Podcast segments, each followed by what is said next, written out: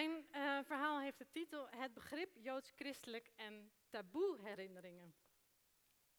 Midden in de huiskamer van mijn ouders stond een grote boekenkast. Vroeger zat ik daar op de grond fotoalbums te bekijken. Of de kinderbijbels en sprookjesboeken, want die stonden ongeveer op ooghoogte. De rest van de boeken zag ik later pas. De bruine banden van Lou de Jong en vooral heel veel boeken van Joodse schrijvers over de Tweede Wereldoorlog. Abel Herzberg, Primo Levi, Levinas, Elie Wiesel, vooral mannen. En ieder jaar haalde mijn vader de kast zorgvuldig leeg, plank voor plank, boek voor boek, maakte alles schoon en zette de boeken op precies dezelfde plek weer terug. Dit was geen gewone kast, zoals de servieskast dat was, maar een plek van herinnering, dat wij onderdeel uitmaken van die geschiedenis. En het begrip joods-christelijk zou je zo kunnen zien, als een manier om te herinneren, een soort bril die je opzet om naar de geschiedenis te kijken. En dat kan een hele absurdistische bril zijn, bijvoorbeeld van uh, Buma in het verkiezingsdebat. Daar claimde hij dat seks gelijkheid een typisch joods-christelijke waarde is die al duizenden jaren teruggaat. Alsof de geschiedenis van het christendom een eeuwenlange geschiedenis was van vrouwenemancipatie. En bovendien, hij gebruikt uh, Joods zijn en Jodendom lijkt ook niet zo heel veel te maken hebben met zijn verhaal, want hij gebruikt Joods-christelijk en christendom gewoon kriskras door elkaar. Dit is vooral een populistische vorm van uh, Joods-christelijk gebruiken, namelijk vooral om natuurlijk te laten zien dat moslims absoluut niet geëmancipeerd zijn en vrouwvriendelijk. Maar die boekenkast van mijn ouders was een poging, een poging om serieuzer over de relatie tussen Joods en christelijk na te denken. Door te herinneren dat Joden in Europa hooguit als voorwaardelijke burgers zijn geaccepteerd en in deze boeken hun stem terugclaimen, hun perspectief en hun menselijkheid, hun visie. En dat christelijke en seculiere denkers het Jodendom en Joden nauwelijks als onderdeel van hun beschaving hebben gezien. In het beste geval is het begrip Joods-christelijk dus het herinneren dat Joods-christelijk in Europa nooit heeft bestaan. Hooguit christelijk anti-judaïsme. Maar tegelijk blijft de vraag, wat werd er niet herinnerd in die kast? Waarom stonden er wel boeken van de Italiaanse Primo Levi, maar niet van de Tunesische Albert Memmi of de Arabisch-Joodse Ella Shogat? Allebei ook Joodse schrijvers die kritisch reflecteren op Europa, maar niet vanuit Europa, maar vanuit de voormalige koloniën, waar hun wortels lagen. Een boekenkast is dus niet alleen een plek om te herinneren, maar ook een plek om te vergeten. En zo is het ook met het begrip joods-christelijk. Uh, het maakt sommige vragen en herinneringen mogelijk, maar andere uh, onderdrukt ze. Dus mijn vraag is, welke herinneringen worden nog meer taboe gemaakt met het begrip joods-christelijk? En de Zuid-Afrikaanse wetenschapper David Theo Goldberg stelt dat we in Europa ras en racisme eigenlijk netjes hebben opgesloten in de Tweede Wereldoorlog. Voor veel mensen is de Shoah, de moord op 6 miljoen Joden, het racistische project bij uitstek. En ras is zo, zozeer gekoppeld aan het lot van Joden, stelt Goldberg, dat andere slachtoffers van het nazisme, zoals Roma en Sinti, tot voor kort, nu wel, maar bijna onzichtbaar waren. En met het motto dat nooit meer hebben we dat racistische project keurig afgebakend. We leggen ieder jaar een krans, herdenken uh, de doden en feliciteren onszelf met onze tolerante waarden. Herinneren op 4 mei is zo een ongevaarlijk ritueel geworden. Iets uit het verleden. Wat taboe is geworden is de continuïteit van voor en na de oorlog. Bijvoorbeeld de manier waarop politici inspeelden op weerstand tegen vluchtelingen en migranten. Een aversie tegen arme Oost-Europese Joden die naar West-Europa emigreerden. Met hun vreemde kledij, orthodoxe religieuze praktijken werden zij gezien als bedreiging voor de westerse beschaving. Net als nu was men bang voor de barbaren aan de grenzen van West-Europa.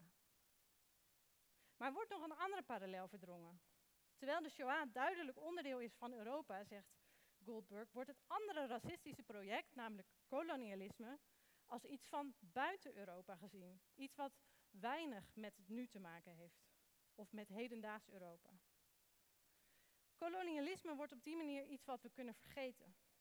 Zoals in de boekenkast van mijn ouders. Want in die kast stonden geen invloedrijke, uh, boeken van invloedrijke koloniale, antikoloniale denkers. Zoals Frans Fanon, Aimé Césaire of Anton de Kom. Geen literatuur van Gloria Wekker of Philomena Esset.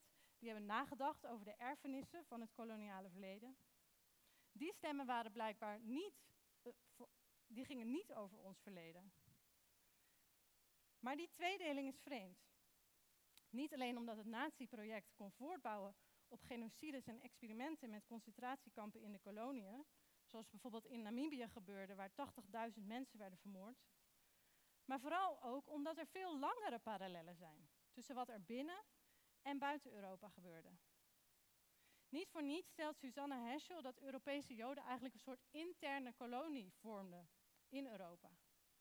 Dus Joden als raciale ander in Europa met bijbehorende economische, politieke en religieuze ongelijkheid. De eerder genoemde Fra uh, Frans Fanon uit Martinique had, had dit haar fijn door. Hij zei tegen zijn zwarte lezers: Let op als je iemand de Joden hoort misbruiken, want ze hebben het over jou. Fanon bedoelde hier niet alleen dat er ook veel Joden in de koloniën leefden, maar vooral dat in de raciale verbeelding van Europa Joden en zwarte mensen vaak met elkaar werden vergeleken. Duitse intellectuelen van begin 20e eeuw noemden Joden bijvoorbeeld de White Negroes. En soms werd gezegd dat het zwarte en Joodse uh, ras zich vroeger had vermengd, dat ze eigenlijk dezelfde soort oorsprong hadden. De Franse filosoof Voltaire ging nog een paar stappen verder. Hij zei tegen de Joden: Jullie zijn de maddest, meest uh, ja, gestoorde, van allemaal. De Kafirs, de Hottentots en de Zwarte van Guinea zijn redelijker en eerlijker dan jullie. Jullie hebben alle naties voorbijgestreefd met jullie impertinente fabels, met jullie slechte gedrag en jullie barbarij. Jullie verdienen het daarvoor bestraft te worden, want dat is jullie lot. Ja, dit is de grote verlichtingsfilosoof Voltaire. Een nog nauwere verwantschap zagen Europese denkers tussen Arabieren en dan geassocieerd ook met islam en Joden. Dit is zo mogelijk een groter taboe. Joden en Arabieren worden nu voorgesteld als elkaars aardsvijanden. Maar de, de filosoof Immanuel Kant noemde Joden al de Palestijnen die onder ons leven. Hegel beschreef het Jodendom als Arabische religie. En het begrip Semiet in de 19e eeuw verwees naar zowel Joden als naar Arabieren. Er is een nauwe verwantschap tussen hoe nu over de islam wordt gesproken en eerder over het Jodendom. Net als de islam werd het Jodendom niet gezien als een echte religie, maar als een politiek systeem met een soort hang naar fanatisme en geweld. Het is het begrip Joods-christelijk die deze geschiedenissen buiten ons blikveld houdt. Ze bevestigen ons zelfbeeld als tolerant, democratisch en liberaal. En alles wat buiten dit zelfbeeld valt, wordt actief vergeten of in de geschiedenis opgesloten, om op 4 mei te herdenken. Tegelijkertijd is dit zelfbeeld ook minder stabiel dan je zou denken. Op de Zeedijk in Amsterdam zijn Jessica de Abreu, Michel Isaias en Michael Heilbron de Black Archives begonnen. Boeken over de geschiedenis van zwarte Nederlanders. En dat is niet zomaar een aanvulling van, nou, we zetten er ook gewoon een paar boeken van zwarte mensen bij. Um, dus een aanvulling op archieven die er al zijn, maar ze zijn eigenlijk een ondermijning daarvan. Een ongemakkelijke spiegel voor Nederland. Hetzelfde geldt eigenlijk voor het project van Bernard Toprak, die we straks nog horen. Um, om de geschiedenis van islamitisch feminisme naar, naar boven te halen en daar weer op voor te bouwen. Ze ondermijnt daarmee het islamofobe cliché van de onderdrukte moslima en ruïneert tegelijkertijd ook het zelfbeeld van witte Nederlanders. Want blijkbaar is Nederland niet zo feministisch dat het ruimte biedt voor moslima's met een kritische stem. Deze Black Archives en het project van moslimfeminisme kun je zien als herinneringen aan geschiedenissen en verhalen die taboe zijn geworden. Die niet passen bij het plaatje van een joods-christelijke beschaving of bij een nette boekenkast.